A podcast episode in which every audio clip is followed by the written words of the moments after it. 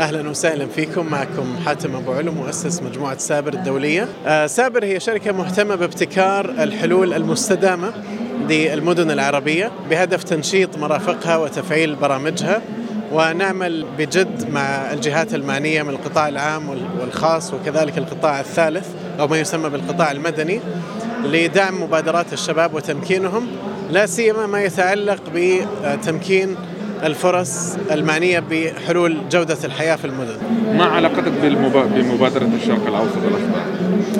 مبادرتنا عندنا مشروع الحمد لله تمت الموافقة عليه من قبل اللجنة العليا للمبادرة السعودية الخضراء والشرق الأوسط الأخضر وهي مبادرة تهدف إلى إشراك المجتمع في جعل المملكة العربية السعودية بداية وبقية المناطق والدول من حولها خضراء أكثر فتركيزنا حاليا على استقطاب المساهمات الجماهيرية للارتقاء بجودة الحياة في المدن آه، بحيث يمكننا سواء كنا أفراد أو شركات من تعويض البصمة الكربونية.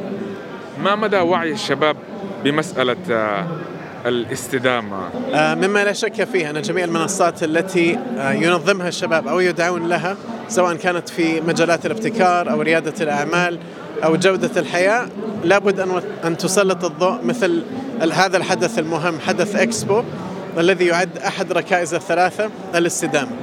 فهذا الأمر مما لا شك فيه أن الشباب آه، باتوا يعون معنى الاستدامة. بل ويبتكرون ما يحققها.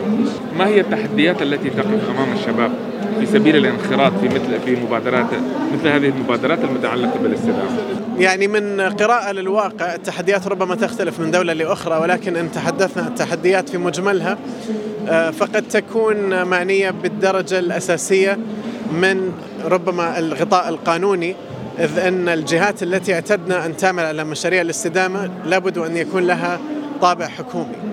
مثل الجهات الرسمية من وزارات وهيئات. فقلما أن نجد من يبتكر مشروع ويصل به إلى العالمية في عالم ريادة الأعمال. فإذا رأينا هذا الواقع واقع الاستدامة وربطه بريادة الأعمال فسنجد أن هناك مساحة كبيرة للارتقاء بالفرص التي يمكن للشباب أن يبذلوا فيها قيمة مضافة في هذا الإطار. بالإضافة إلى ربما الثقة التي قد توكل إليهم من قبل صناع القرار والقيادات كون الموضوع مستجد وكون هذه الفئة قد لا تمتلك الكثير من الخبرة. فربما يحتاجون فتح بعض الأبواب لهم يعطوا بعض الفرص للتعلم وربما يصلوا إلى مرحلة يمكنوا فيها أقرانهم ويكونوا بنفس المستوى الذي بات ربما القيادات يعني يقودون زمام مبادرتهم آه، أنت ما شاء الله يعني شاب ناجح ولك العديد من المبادرات التي ربما ستسهم في إحداث تغيير كبير في المستقبل مستقبل المنطقة العربية والعالم. ما هي رسالتك إلى بقية الشباب في المملكة العربية السعودية وكذلك في المنطقة العربية على العموم؟ آه، رسالتي ربما أذكرهم بالجدارات العشر لرائد الأعمال أن يراجع الإنسان نفسه والتي يلخصها في كلمة مركب.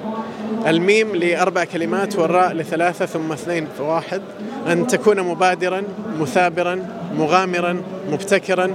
أن تتحلى برباطة الجأش رجاحة العقل رحابة الصدر ثم الكفاءة والكياسة وأخيرا البصيرة.